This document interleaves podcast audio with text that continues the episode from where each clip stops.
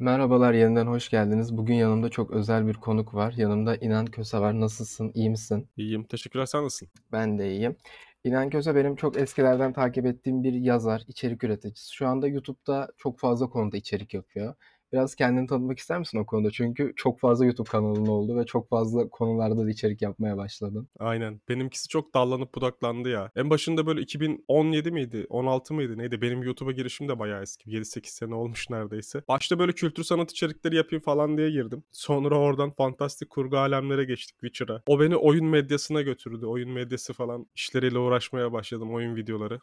Let's Play değil tabii ki de. Oyunlar üzerine. Gene kültürel içerik aslında bunlar da. Ondan sonra ikinci kanal geldi. Orada da shorts yapıyorum gerçi de. Bilim tarih. Sonunda üçüncü kanal da geldi. Daha bir ay olmadı o. Şey burnunda bir kanal. Orada da an- animasyon, anılar üzerine. Tabii o da gene dallanıp budaklanacaktır da. Var mı dördüncü bir kanal tavsiyen? Valla sen bulursun yüksek. Animasyon kanalı da iyi başladı diye biliyorum. Senin hikayelerinden görmüştüm. Kısa sürede bin takipçiye ulaştı. 2000-3000'leri geçmişti sanırım. Aynen şu an 3000 olmak üzere. Senin eskiden e, bir tane videon vardı. John Lennon'ın Imagine şarkısını birazcık analiz ettiğin.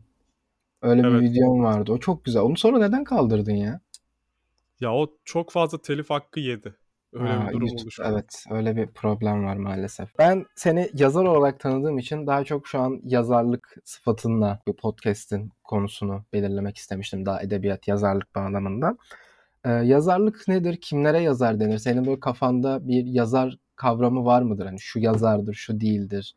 Böyle sanatçı gibi bir tanımın var mı yazarlık için? Bu ya aslında önceden kavramlarım vardı da benim kavramlarım yıllar içinde çok fazla değişime uğradı. Mesela eskiden e, şey vardı. Sanatçıları böyle toplumun üstünde tutma gibi bir eğilimi oluyor ya insanlarda. İşte sanatı kutsal bir iş olarak atfedip de işte biz kutsal bir iş yapıyoruz. Bak ne kadar uğraşıyoruz. İşte benim normal bir işte zanaatçı ile ayakkabı tamircisiyle işim aynı değil falan gibi görüyordum. Ama sonra böyle yavaş yavaş bu düşünce yıpranmaya başladı. Kendimi de törpülemeye başladım bu konuda ve artık kafamda yazar ya da işte müzisyen ya da X kişisi sanatla uğraşan X kişisi toplumdaki herhangi bir e, iş yapanla aynı seviyede. İyice düştü yani seviyesi kafamda. O yüzden normal bir iş gibi görüyorum artık ben. Sanatın herhangi bir alanını, yazarlığı da öyle. Ben de mesela yani sanatı böyle çok üst bir mertebeye koymuyorum. Böyle hani illa çok elit insanların yapması gereken değil. Hatta aksine böyle he- sanat herkesin yapması gerekli ve herkesin yaptığında bir noktada sanat olduğunu düşünüyorum. Ama bu noktada bana da genelde şu eleştiri geliyor. Şimdi her şey sanat dersen hiçbir şey sanat olmaz. Sanatı değersizleştirirsin. Hani bununla ilgili bir düşüncen var mı? Yani değerli sanat olarak neyi göreceğiz mesela? Ya işte mesela eskiden diyorlar ya mesela Dostoyevskiler, Tolstoylar bunlar hep elit insanlardı. İşte bunların aileleri okumuştu.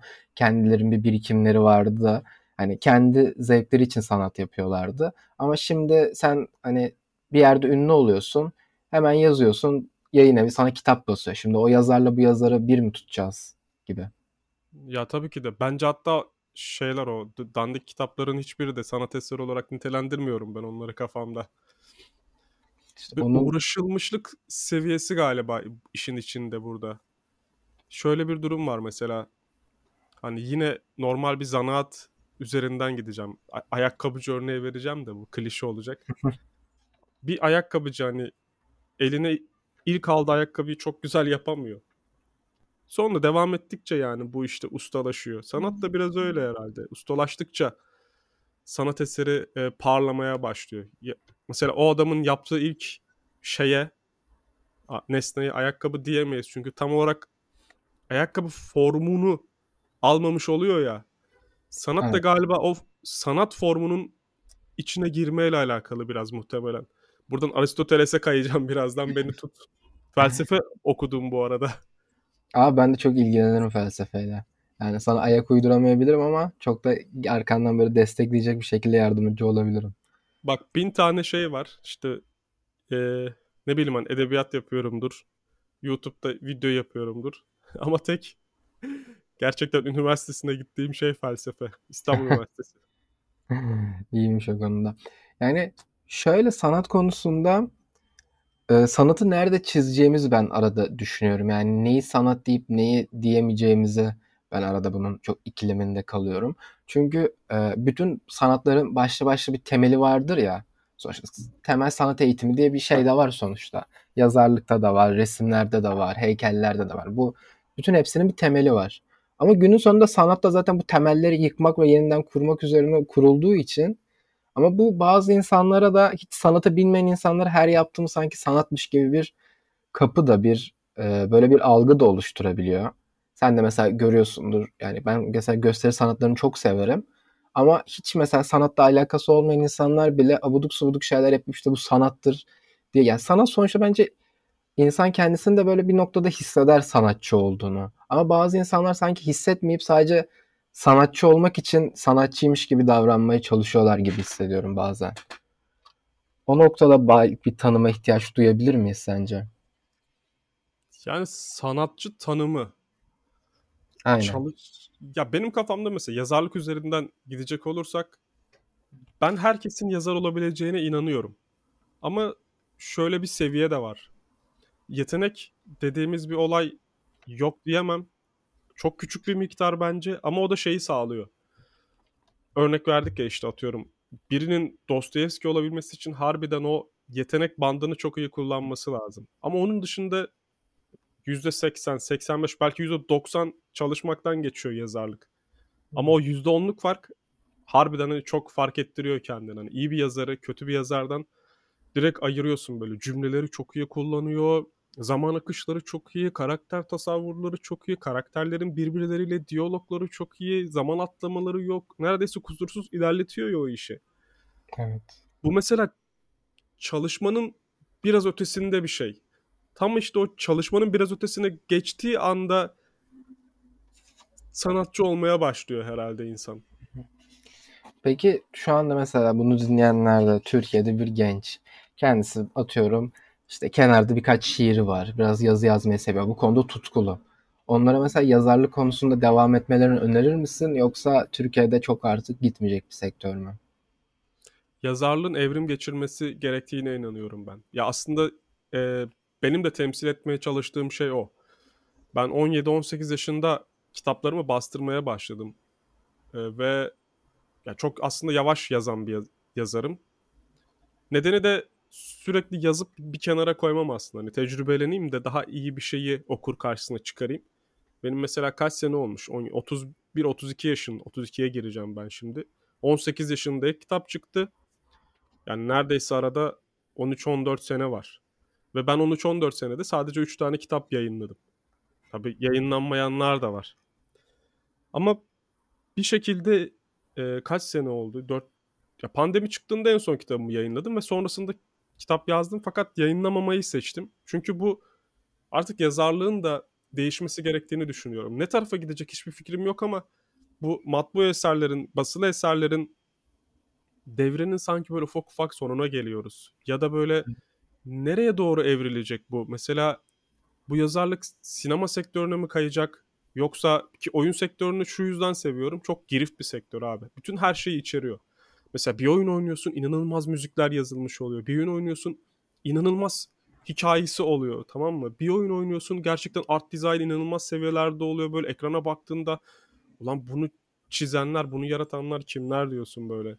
Sanat sanki böyle bütün o 7 sanat dalı birden toplanıp oyunların içine girecekmiş gibi bir his var evet. bende ve biraz da o yüzden oyun sektörüne kaymak istiyorum.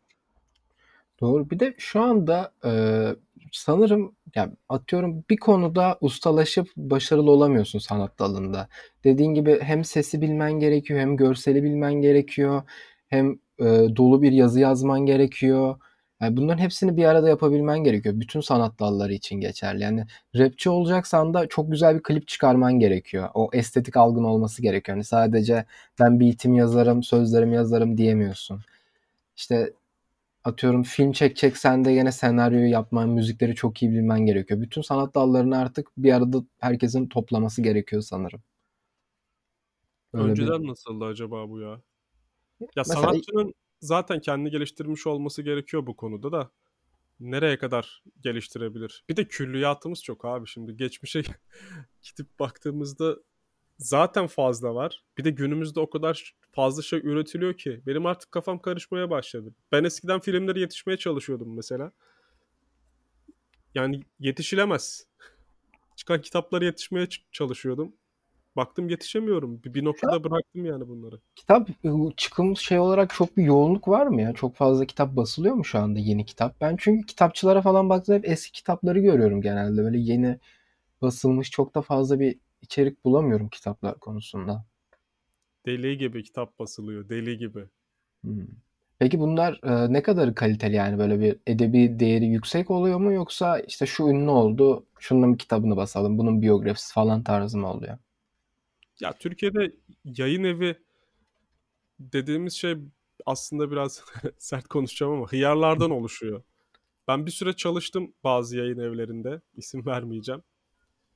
Ya tamamen şeye bakıyorlar hani e, normalde bir yayın evinin e, ana temasının önce kültür sonra para olması gerekir. Para bir yerde olsun zaten. Hani bunu devam ettirmek zorunda bu adamlar ama Türkiye'de yayın evleri önce para sonra kültür seviyesine gelmiş durumda. E, böyle olunca ne oluyor? Adam işte iyi bir editör tutmuyor mesela.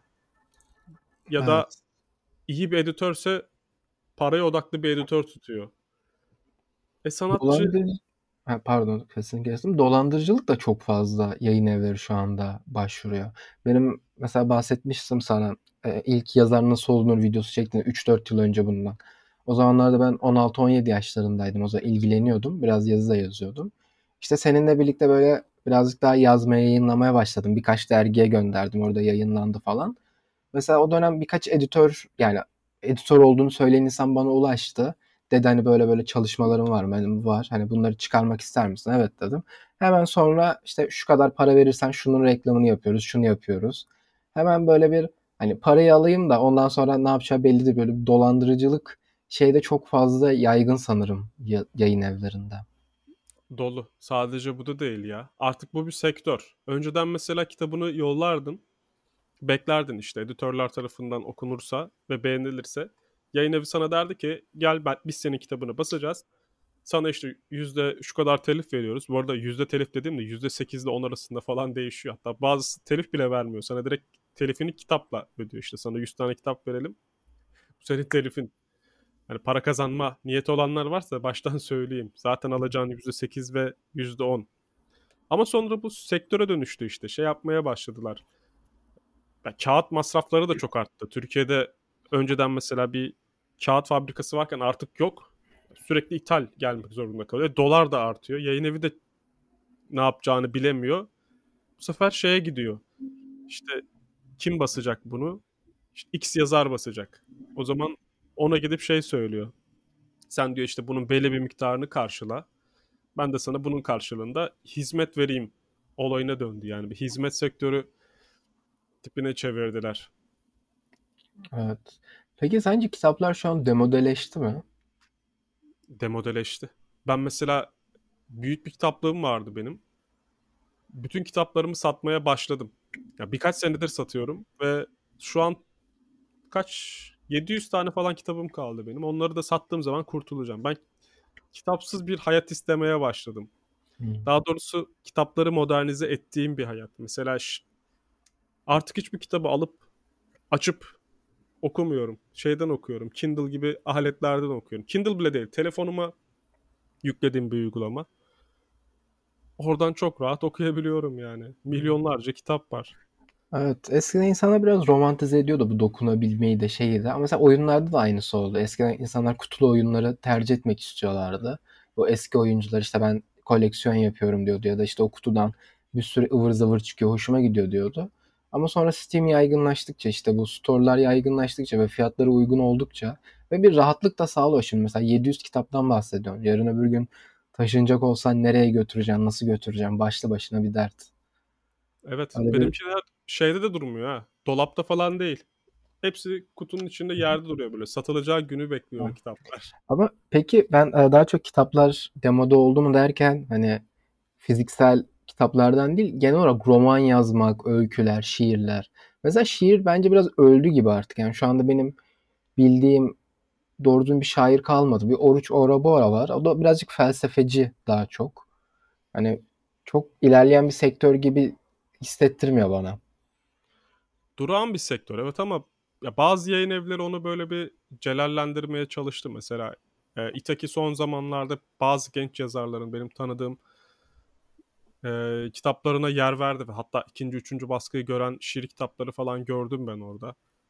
Hmm. Onun dışında birkaç yayın evi daha bunu deniyor. Hatta şiir mecmuaları, şiir dergileri falan da var. Sadece şiir falan çıkıyordu mesela bir ara. Onu gördüm mü bilmiyorum da öyle bir dergi vardı ve bir çocuğun yazdığı bir şiir yüzünden çocuğu atıp dergiyi kapattılar falan böyle garip garip olaylar yaşandı birkaç sene önce.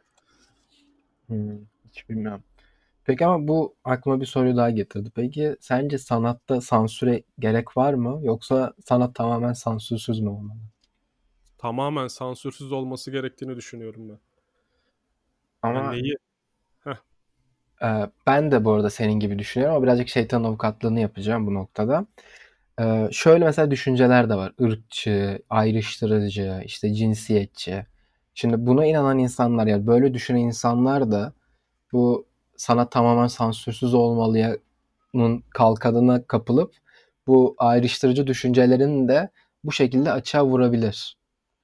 Bunu engellemek için de bir noktada sansüre ihtiyacımız olmaz mı sanatta?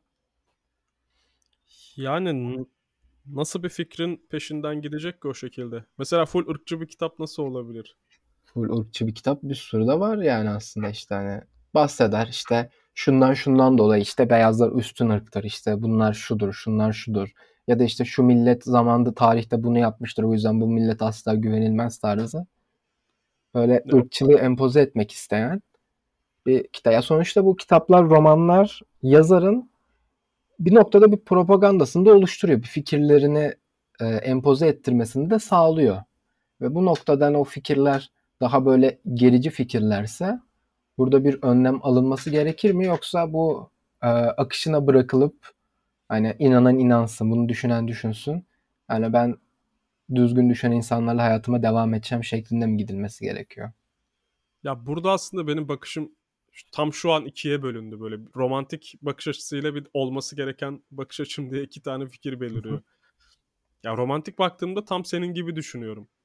Hani böyle gerçekten işte faşizmi öven, bunu körüklemeye çalışan ya da gericiliği öven kitaplar ve çevresinde etkilenen insanları doğuracaksa harbiden toplayıp yakalım diyebilirim. Ama bu benim romantik bakış açım. Ama şöyle bir durum da var. Bunu engelledin o fikir de seni engelledi. Sonra toplandı iki fikir tekrar başka bir fikri engelledi. Bunun sonu yok. Dipsiz kuyu gibi bir şey bu. Evet. Yani onun şeyini çekemem. Ben özellikle yeraltı edebiyatını çok seven bir insan olduğum için bu sansür ya sansür kelimesi bile aslında böyle direkt mideni bulandırıyor. Ama şu son zamanlarda özellikle sosyal medyada böyle çok abuduk subuduk düşünceler çok revaçta oluyor ya mesela saçma komplo teorileri şunlar bunlar bir noktada acaba bir sansür gerekliliği de var mı? Yani içim el vermiyor. Hani şey gibi böyle kötü kahramanlar vardır ya.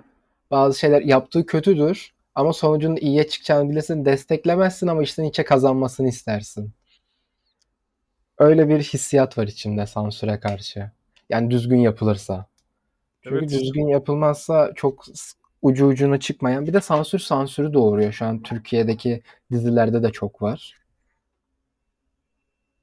Yani çok tuhaf bir şeye girdi. Mesela e, sinema, film sektörü üzerinden böyle bakıyorum sansüre. 1940'larda 50'lerde oyuncuların öpüşmesine böyle bile zar zor izin veriyorlar. Yan yana durmayacak, yan yana yatmayacak falan böyle. Sonra bir anda açılıyor. Artık herkes istediğini falan yapabiliyor. Sonra tekrar bunlara kısıtlama getiriyorlar falan işte. Bunu yaparsın ama bak bu sefer de 15 yaş altındaki izleyiciler giremez falan. Sonra tekrar kısıtlamaya çalışıyorlar falan kendilerini. Ama mesela aynı toplum genelde Amerika üzerinden önce sansür uygulanıp da bize tekrar geliyor da bunlar senin dediğin yeraltı edebiyatını oluşturmuş işte. 1910'larda bir doğan çocuklar yani. Ne bileyim Bukowski'ler, Jack Kerouac'lar, Allen Ginsberg'ler, William Burroughs'lar, şunlar bunlar, Neil Cassadi'ler 40'lı yıllarda bu sansür toplumunun oluşmasına mı sebebiyet verdi acaba? İşte Türkiye'de böyle bir e, kültürel devrim mümkün mü sence? Böyle bir şey başarabilir miyiz? Bu Amerika'dan işte o zamanlarda işte Beat jenerasyonuyla yaptığı, işte feminist devrimle birlikte seks devriminin gerçekleştiği, işte bu John Lennon'lar, Beatles'lar, hippilerin doğuşu. Böyle bir kültürel Chicago gezilisi gibi kültürel bir devrim olabilir mi Türkiye'de ya da kaçırdık mı acaba bunu? Geziyle mi kaçırdık? Benim mesela en büyük korkum odur. Hani gezide bunun fırsatını bulduk da kaçırdık gibi bir durum mu var acaba? Ya yok Gezi'de çok bunun fırsatı bulunmuş gibi değildi. Ben başından sonuna kadar oradaydım zaten. Ama ya bilmiyorum başlarda çok bu biraz klişe her herkes bu cümleleri kullanıyor da başlarda çok güzel bir şeydi evet orada orası. Hatta bizim üniversiteden direkt arkadaşlarımızın da başına kötü şeyler geldi orada ve zaman gittikçe evet bir komün yaşama tarzına girildi orada işte. Ne bileyim yemekler dağıtıldı, şunlar oldu, bunlar oldu. Ama tam olarak amaç o değildi zaten ya. Ve Türkiye buna ne kadar kültürel olarak müsait. Yine de şey var. Türkiye'de bir ufak çaplı da olsa böyle bir gençlerin artık sosyal medyada şurada burada dünyayı görmesi tanımasıyla alttan bir devrim söz konusu evet. Çok azınlık gibi hissettiriyor. Böyle gerçekten bir azınlık var. Yani çok gerçekten böyle Avrupa'yı, çok böyle modern, böyle böyle insanları seven, herkese böyle e, ön yargısız bir şekilde yaklaşan, hiç böyle bir içinde böyle ırkçılık, cinsiyetçilik barındırmayan böyle çok bir tabaka var ama çok altta. Ve e, şey gün yüzünde de çıkamıyor çoğunlukla. Böyle bir sıkıntısı var sanırım. Çünkü Twitter'dır, sosyal medyada böyle nefret söylemini daha çok pompalamıyoruz. Yani şimdi bir, bir noktada biri diyor ki her şeyi sevelim, herkesi sevelim, yaşayalım. Bir noktada diyor ki şunlar ölsün. O daha çok etkileşim oluyor. Daha çok revaçta çıkıyor bir noktada sanırım. Evet bizim toplumda öyle bir ya, dünyada nasıl bilmiyorum da biz linç seviyoruz. Linç kültürü hoşumuza gidiyor yani. Evet. YouTube'da da takip ediyorum. Hatta son zamanlarda buna kafa yormaya başladım. Çünkü çok sakin bir içerik üreticisin. Tamam mı? Bak yıllardır yapıyorsun. İşte bir şeyler anlatıyorsun. Kimseye bulaşmamışsın. Diplerdesin. Ama mesela sürekli birilerine bir şey söylediğin zaman, laf ettiğin zaman hadi birilerini de geç tamam mı? Bu şekilde yükselmek istemiyorsun diyelim. Bu sefer de oyunlara sövebilirsin mesela. Oyun içerik üreticisin. Kapağına abidik gubidik işte bu oyun bok gibi olmuş. Bu oyun şöyle olmuş falan filan deyip yazıp yine linç kültürü üzerinden ilerleyebiliyorsun. Linç kültürünü hayatına sokmadığın anda sosyal medyada resmen böyle bir ufak ufak hiçleşmeye başlıyorsun. Aslında bir tercihten ziyade bir zorunluluk haline getiriyorlar böyle. En azından sosyal medyada bu linç kültürünü. Evet. Bir de bence sosyal medyada böyle insanların çok yanlış anladığı bir konu var ki o da şu. Mesela atıyorum sen şimdi bir oyunla ilgili bir video yapıyorsun. Hani diyorsun ki mesela ben bu oyunu beğenmedim. Neden neden? Şundan şundan. Biri sana geliyor ki ya işte sen de kendi oyuncu mu diyorsun işte bu oyun şundan dolayı çok güzeldir sen de bir bok bilmiyorsun neden video çekiyorsun. E sana ne kardeşim çektim yayınladım izleme geç yani. Yanlış mıyım? Sen mesela bu yorumlar seni sinirlendiriyor mu? Sinirlendiriyordur yüksek ihtimal. Ya ben önlemimi şöyle alıyorum artık çok fazla video çektim çok fazla eleştiri geldiği için şöyle bir kaçamağa giriyorum aslında. E, başında söylüyorum mesela Bethesda'nın daha demin konuştuk ya Bethesda'nın bir oyununu e, eleştireceksem başta söylüyorum. Ben diyorum Bethesda oyunlarından sadece şunları oynadım, şunları şu kadar saat oynadım. Bu oyun hakkında bilgim bu kadardır. Ve şimdi eleştiriyorum. Buna göre değerlendir beni. Ya öncesinde böyle bir savunma mekanizması oluşturmam bile çok üzücü bence içerik üretirken. Yani çünkü o kanal senin ya senin fikirlerin. Hani bunu kimse aslında şey yapamıyor olması gerekiyor. Ya bana şeyde bile yorum geliyor. Ben yaklaşık kaç 400'e yakın Witcher videosu çektim. Adam gelmiş işte bana onun altında bile linç etmeye çalışıyor beni. İşte bu böyle değildir, bu şöyledir falan filan diye. Peki e, mesela kitapların ve romanların biraz dömede olmasından bahsetmiştik ya. Bu daha modernleşmesi gerekiyor demiştin. Bu peki e, YouTube üzerinden, TikTok üzerinden ya da sosyal medyada içerik üretimine dönüşebilir mi peki mesela? Belki modernleşmesi gereken kısım burası olabilir mi? Onu çok düşündüm ya. Çünkü yazma aslında bir tutku benim için. Ben hala yazıyorum zaten. Hani şu an hali hazırda yayınlanmamış bir tane kitabım da duruyor kenarda. Ama şey düşünüyorum. Ne yapacağım ben bunu ya? Şimdi normal kitap olarak bastırırsam ve ben daha önce bastırdım 3-4 tane kitap yani. Ve köşede duruyorlar hani. Bir şekilde şey gibi böyle ölmeyi bekliyor gibiler orada. Durmuşlar orada. Ama ne yapacağım lan bu kitabı diyorum. İnternette yayınlasam direkt çalınıyor. Direkt insanlar alıp birbirine atmaya başlıyor işte ve maddi bir getirisi olmuyor. E ben yazarlıkla hayatımı sürdürmeye çalışsam ne olacaktı ya geliyor. Ama mesela ne yapabileceğim bu kitapla? Bir önerin var mı mesela? Aklıma gelmiyor. YouTube'da mı seslendireyim? Yani, Çaresi yok. Evet. Ya öyle bir durum var. Ben bir noktada biraz şeye başlamayı düşünmüştüm. Ee, ben son zamanlarda böyle uzun bir şeyler yazmaktan daha çok böyle şiirimsi şeyler böyle kısa, alegorik ya böyle eski şiir gibi böyle kafiyeli değil daha çok. Daha çok böyle alegorik böyle küçük küçük böyle. Onları böyle seslendirip bir de bir noktada kendim de birazcık çekim öğrenirsem, biraz sinematografi öğrenirsem bunları bir görsellerle bağlaştırıp çünkü bence artık e, yazılı şeyleri görsellerle bağdaştırmak özellikle alegorik eserleri çok daha önemli oluyor. Çünkü o zaten e, sen onu yazarken ya mesela senin kullandığın dille benim kullandığım dil farklıdır. Çünkü senin hayatın farklı, benim hayatım farklı. Kelimelere verdiğimiz anlamlar farklı. Bunu görselle birleştirince birazcık daha orta yolda hani benim düşündüğümle izleyenin ya da dinleyenin düşündüğünün daha çok kesişebileceğini düşünüyorum. Böyle TikTok'tadır, Instagram'dadır görüyorum böyle kısa kendi şiirlerini böyle bir görselle birleştirip sunanların içerikleri mesela hoşuma gidiyor. Aynen. Ben de gördüm onları ya. Hatta yapay zeka ile yaptırıyorlar böyle bazılarını. Sen onu gördün mü? Yapay zeka ile yani çok kaliteli bir içerik görmedim. Genelde yapay zeka ile böyle o resmi birden animasyona çeviriyorlar böyle içeri giriyordu çıkıyor falan filan. Ama çok uyuştuğunu düşünmüyorum şu anda yapay zekanın. Ben yapay zeka konusunda birazcık daha gericiyim sanırım ya. Aa yapay zeka var ya ben daha bir ay falan oldu keşfedeli. Ya elim ayağım yani öyle diyeyim sana. Hadi ya. Ben ya girmeye çalıştım da mesela ChatGPT ben de kullandım mesela içerik üretmek için. Ya çok da böyle e, şey bir sonuç alamadım ChatGPT'den atıyorum. E, bir metin yazdıracağım zaman kaliteli bir e, response alamadım. Ya da kullanmayı öğrenemedim. Belki birazcık daha öğrenmem gerekiyordur. ChatGPT'nin dilinden anlamak gerekiyor ya. Ben de böyle başta girdim. İşte soru soruyorum falan. Cevap veriyor ama tam böyle istediğim cevaplar değil. Ona böyle gerekli soruları sorarak istediğin noktaya getiriyorsun bir süre sonra. Ya özellikle yazılımcılıkla ilgilenenler bayağı kodlama modlama bayağı yardımcısı oluyor sanırım ChatGPT. Tabii. Ama ben daha yani edebiyat açısından çok o seviyeye gelemedim. Bilmiyorum. Allah ben bazı şeylerini gördüm böyle. Korku hikayeleri filan yazdırmışlar. Gayet de güzel yazmış yani. Hı. Ama Türkçe mi soruyorsun, İngilizce mi? O, o da var. Ha, İngilizce daha iyi mi sonuç veriyor?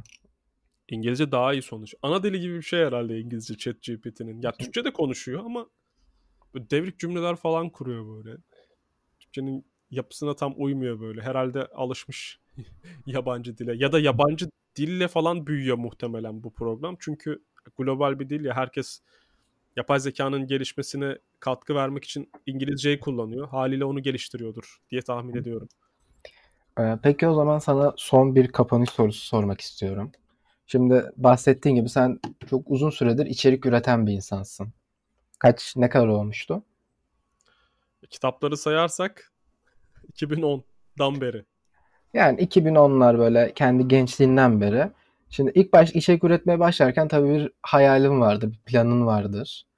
O zamanki hayalin ne? Şu an iç, içerik ürettiğin içeriklerin ve gelecekte üretmek istediğin içerikler arasındaki farklar neler? Ya ben o zaman 2010'lardan bahsediyorum. Ya ürettiğim içerikler şey tamamen kitap olsun. İşte ben bu kitaptan ilerlerim falan gibi düşünüyordum.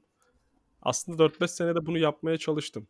Sonra baktım bununla geçinilmiyor. Birkaç işe girip çıkmalarım da oldu ufak tefek de olsa. Sonra dedim insanlar sosyal medyaya kaymış durumda. Ben de bir sosyal medyaya kayayım. Ben yeraltı edebiyatı sayfası filan açtım işte. Sen yeraltı edebiyatı deyince benim damarıma bastın orada. Acaba benim takip ettiğim sayfalar senin sayfaların mıydı? Olabilir. Facebook'ta şu falan ya böyle. Facebook'ta Ha, ben- Tumblr'da. Tumblr'da da belki denk gelmiş olabilirim. Tumblr'ı çok kullanmıştım zamanında. Ayrıntı yayın evi basıyordu ya. Hatırlarsın. Onlar numaralıdır. Evet. Bir İşte de Dragon Ball için sürgün kitabıyla mı ne başlıyordu? bir zaten bir Itaki basıyor, bir ayrıntı basıyor, bir de 6.45 basıyor genelde. Başka çok görmedim. Aynen. Bayağıdır da sektörde değilim yani. İşte ben de lise zamanımdayken çok şey yapıyordum. Ya bir de o zamanlar işte ben de YouTube'da senin videona denk gelmiştim. Böyle biraz gaza gelmiştim. Ha, yazar olacağım ben de falan filan diye. Sonra 2-3 yılda falan o şeyim, hevesim kursağımda kaldı ve tamamen çıktım sektörden. Ya çok zor yazarlık. İnsanlara bunu anlatamıyorum hani. 200 sayfalık bir şey yazıyorsun. Yani bunun kolay olması beklenemez ki. Döneceksin, bakacaksın, tekrar okuyacaksın. Okudukça sıkılacaksın kendi yazdığından, Evet. karakterlerden. Ölme eşeğim ölme yani. Kim ister bunu ya? Yazarlık bela gibi bir şey yapmayın abi. Evet, ben bir de mesela o zaman da yaşıyordum. Mesela yazıyorum böyle çok güzel bir şeyler yazdığımı düşünüyorum. Bir okuyorum bok gibi. Hani diyorum şurayı değiştirmem lazım. Şurada yanlış yapmışım. Şurayı bağlayamamışım. Bir daha dönüyorsun. Sonra okuyorsun bir daha dönüyorsun. Yani sürekli böyle geriye dönmeni gerektirecek bir şey var. Çünkü yazdıkça yazarken daha da iyileşiyorsun. Evet. Sonra onu değiştiriyorsun. Yani birazcık durdurak bilmeyen bir noktaya da gelebiliyor. İşte yazarlığın kendi içindeki dilemması bu ya. Yazdıkça gelişmek ve geliştikçe kendi yazdığına yabancılaşmak. Ama bir süre sonra o değişiyor biliyor musun? Mesela ben dönüp 2000 e, kaçtı ya? 7-8 sene önce yazdığım kitaba dönüp baktığımda ya tamam bazı yerler hoşuma gitmiyor ama aa iyi yazmış falan diyorum. Ama muhtemelen onu yazdığımın ertesi günü ya da yayınladığımın ertesi günü hiç beğenmemiştim. Çok hatırlamıyorum ama. Ee, şey kötü bir şey. Bir şey içerik üretirken e, şimdi sana çok fazla detaylandırdığın için, çok fazla içinde olduğun için çok ince hatalarını da çok daha rahat bir şekilde görebiliyorsun ya. Bir kere Evet. görünce de o illüzyon bozuluyor senin için. O algı çok kötü bir algı bence. Oh ne hatalar var. Ben birinci kitabımın üzerinden hani defalarca geçtim. Artık böyle şey kitabı kitap tamamen düzelti oldu. Öyle diyeyim sana. Yıllar içinde birkaç kere böyle düzelttim işte. 18 yaşında yazmışım. 18 Niye 18 yaşında kitap yazıyorum mesela? Tam hiçbir şeyime oturmamış. Böyle rezalet bir dilim var. Tamamen çeviri kitap gibi konuşuyorum. Türkçe ile hiçbir alakası yok. Tamam kurallara uyuyor ama bu Türkçe değil. Ya, ama doğal yani. Ben de işte 16-17 yaşımda heveslenmiştim. Böyle bir şeyler yazmaya başlamıştım yani. Hiçbir zaman da kendini küçük hissetmezsin ki. Öyle bir sıkıntı var. Evet ben şeyden sonra kırdım ya. 24-25 yaşından sonra artık böyle gerçekten hani bir süre konuşup da fikirlerini dinleyebileceğim insanları sezdiğim zaman susuyorum ve şey yapıyorum. Tamam bu hayatı tecrübe etmiş. Ben de ileride bu, bunun noktasına geleceğim. Demek ki bir, bir şey diyorsa yapayım falan diyorum artık yani. Bir, direkt değiştiriyorum kendimi öyle bir temasta bulununca. O bende hiç yok ya. Ben hiç yani öyle bir şeyler yapamıyorum.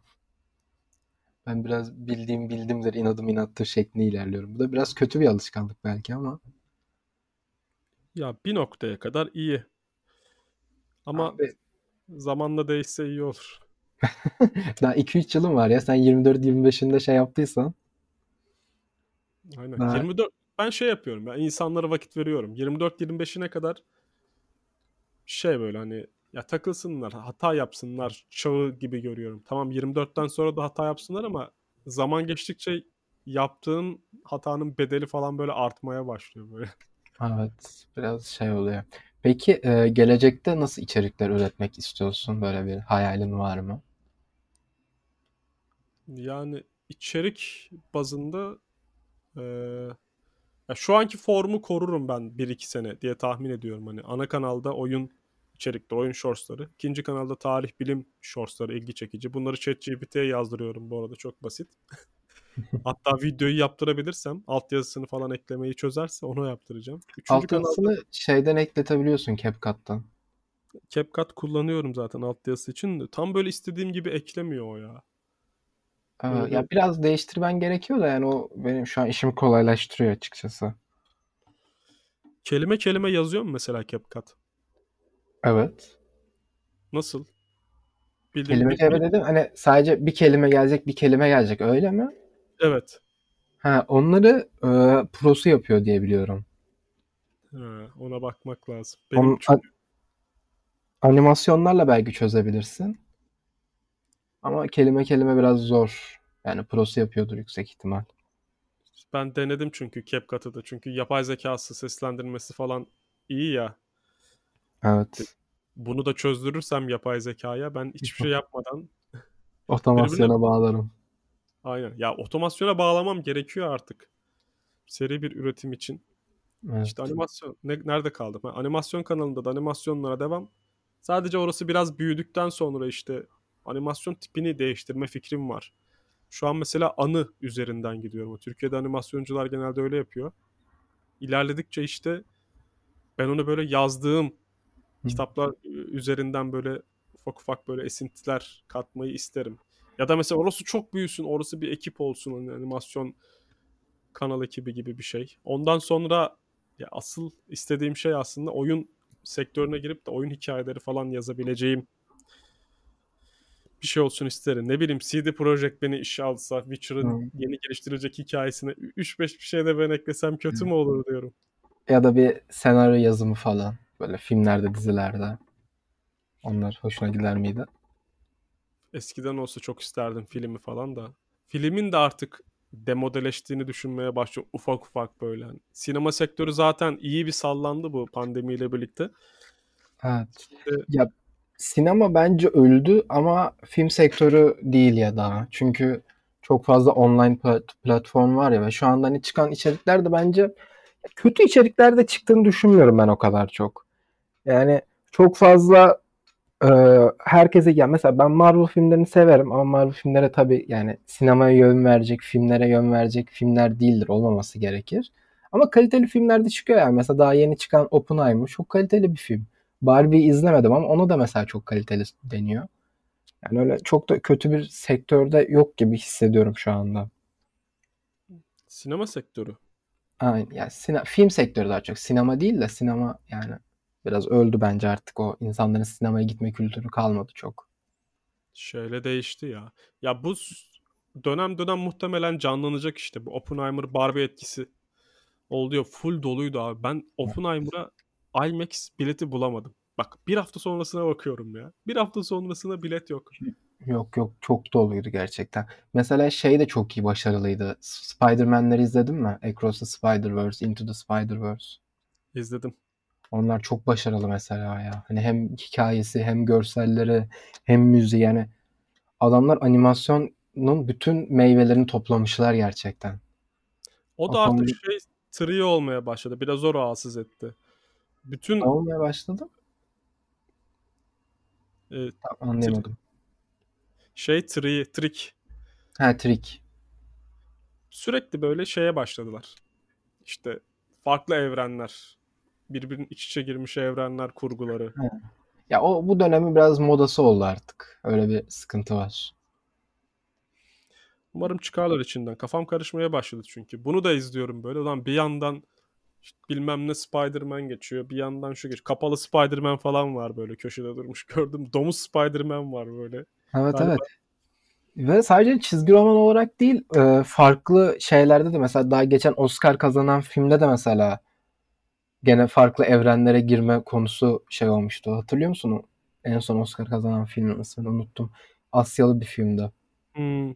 Neydi? Onda da Bütün dünya birbirinin içinde bilmem ne falan filan diye. Türkçesi böyle a- aynen aynen tam öyle bir şey. Her şey her yerde tarzı bir şeydi.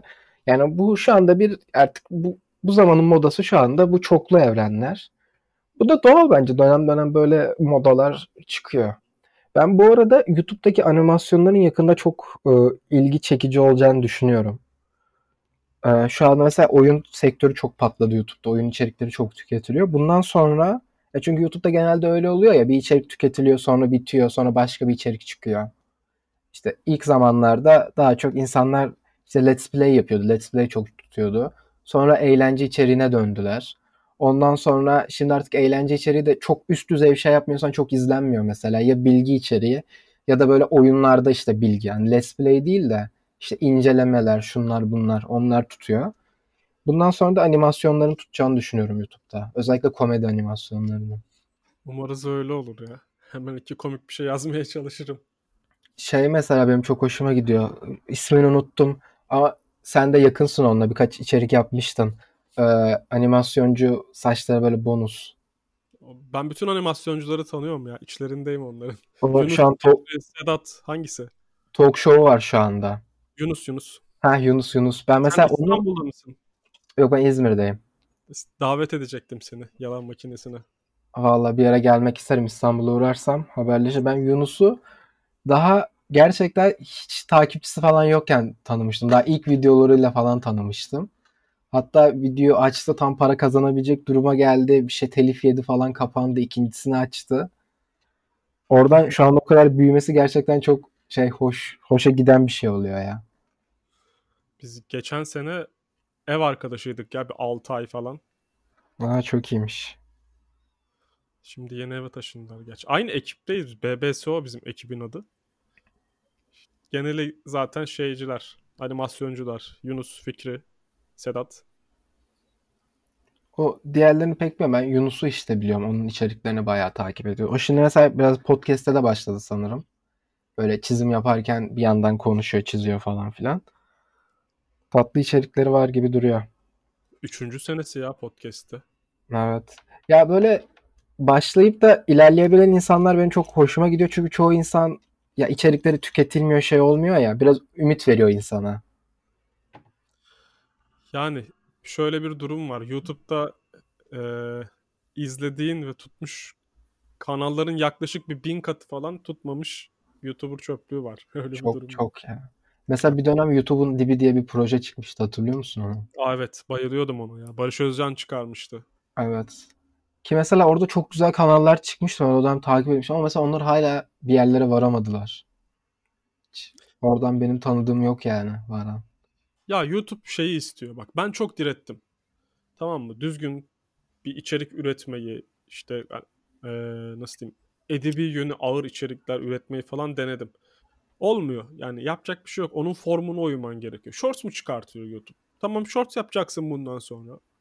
Uzun olmayacak. Kaç saniye istiyor shorts'u mesela? 21 saniye istiyor abi shorts'u. 20 ile 30 saniye arasında değişen shorts'lar yap diyor sana. 40 saniye değil, 50 saniye değil. Niye? Çünkü izleyen tekrar e, izleme olanağı bulsun. %110 izlenme oranına ulaşsın falan böyle video ki tutsun. Tamam dedim yani artık ne istiyorsan onu yapacağım. Çünkü geçinemiyorsun yani mesleğin buysa eğer mecbur bırakılıyorsun. Yani Evet. ben senelerce direttikten sonra da şimdi şey falan da oluyor işte kendini bozdu falan diyorlar ya insanlara. Umrumda değil abi. Gelsin yazsın yani. Ya, ben çünkü Evet bugün sonuçta bu şey etkileşimi almak burada önemli. Çünkü sen bir şey uğraşıyorsun, bir emeğini veriyorsun. Ve hani oradan bir yorum görmek istiyorsun, bir beğeni görmek istiyorsun. Çok doğal yani bu. Hani bu kimse izlemesini istiyorsam zaten kendim izlerim, geçerim yani. Ya da kendim kapalı Instagram'ıma atarım. Onu YouTube'a atıyorsam, bir yere atıyorsam hani hadi paraya geçtim bir etkileşim zaten hani istiyorsun. Bir izlensin istiyorsun yani çok doğal. tabii canım bunun üzerinden geçiniyorsan Evet. özel. Ama işte o noktada da bence şey oluyor böyle. Hollywood'da da olur ya böyle. Böyle ufaktan böyle hani hiç ümidin kalmaz ama sonra böyle çok milim bilim böyle çok küçük şanslarla başarılı olan birini görürsün ya. Dersin sanırım umut var. Mesela benim için şey oldu. Portal diye bir kanal var biliyor musun? Biliyorum felsefe videoları yapıyor. Ha mesela o çok popüler olunca dedim ki aa demek ki belki olabiliyor ya. Böyle hani uzun uzun böyle kaliteli çek ama olmuyor. Yani o sadece onun için oluyor sanırım. Yani o Evet. ya orada bin tane öyle içerik üreten var. Bir tanesine piyango tutuyor gibi oluyor. Aynen. Ya gir benim kanala bak. Benim kanal her şeyin denenmiş olduğu bir kanal abi. Portal tipi video da var benim kanalda. Mesela başka bir felsefeci arıyorsan Pelin var. Aynı dönemde okuduk onunla. O Mimar Sinan'daydı hatırlamaz da. Pelin Dilara Çolak. Felsefe içeriği Ha tutturdu. biliyorum o, o bayağı tutuyor onunkiler de. Ben de yaptım zamanında. Neredeyse aynı tipte anlatılarla yaptım hatta. İşte olmuyor tamam mı? Biri ol, oluyor ve o işte portal oluyor. O işte Pelin oluyor. Oradan fırlıyor falan devam ediyor. O şans meselesi ya.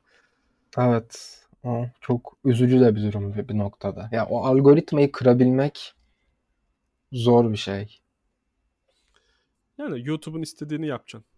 That's Evet. all. İşte sen de kendi içeriklerini olabildiğin kadar adapte etmeye çalışacaksın artık. Yani ne Birazcık istiyorsa onu yapacağım. Beni twerk yaparken görebilirsin. Özür dilerim şimdi. twerk de biraz ağır olabilir ya bu arada. Hayır gö- götüm güzel. Tamam o zaman. Edebiyattan nereye bağlandı bak. Evet, gerçekten. E, yeraltı edebiyatı dedin o kadar. Ha, yer altının dibi olur artık o twerklerde. İnan Köse'yi twerk yaparken görürsem. Yani Jo- John Lennon'ın şey, Imagine şarkısı mıydı? Working Class Hero şarkısını analiz eden insandan twerk yapan insana dönüşüm gerçekten ya tam belgesellik bir konu olabilir yani. Elimde de kitabım olur ama. He. Twerk yaparak kitabı tanıtacağım. Ha, sen gene ama niş bir kitleye hitap edeceksin yani böyle hem kitap seven hem de böyle garip fetişleri olan insanlara. Ortak noktaları çok iyi. Bence Evet, herkes evet. neyse çok da uzatmayalım bu konuyu. Evet. Teşekkür ederim bence çok güzel bir konuşma. Çok akıcı ve ilerleyici oldu. 40 dak 45 dakikadır konuşuyormuş mesela. Ben 10 dakika 15 dakika gibi hissediyordum. Aa, yok ağzımı açarsan konuşurum yapacak bir şey yok. Çok teşekkür ettim yeniden. Ben teşekkür ederim.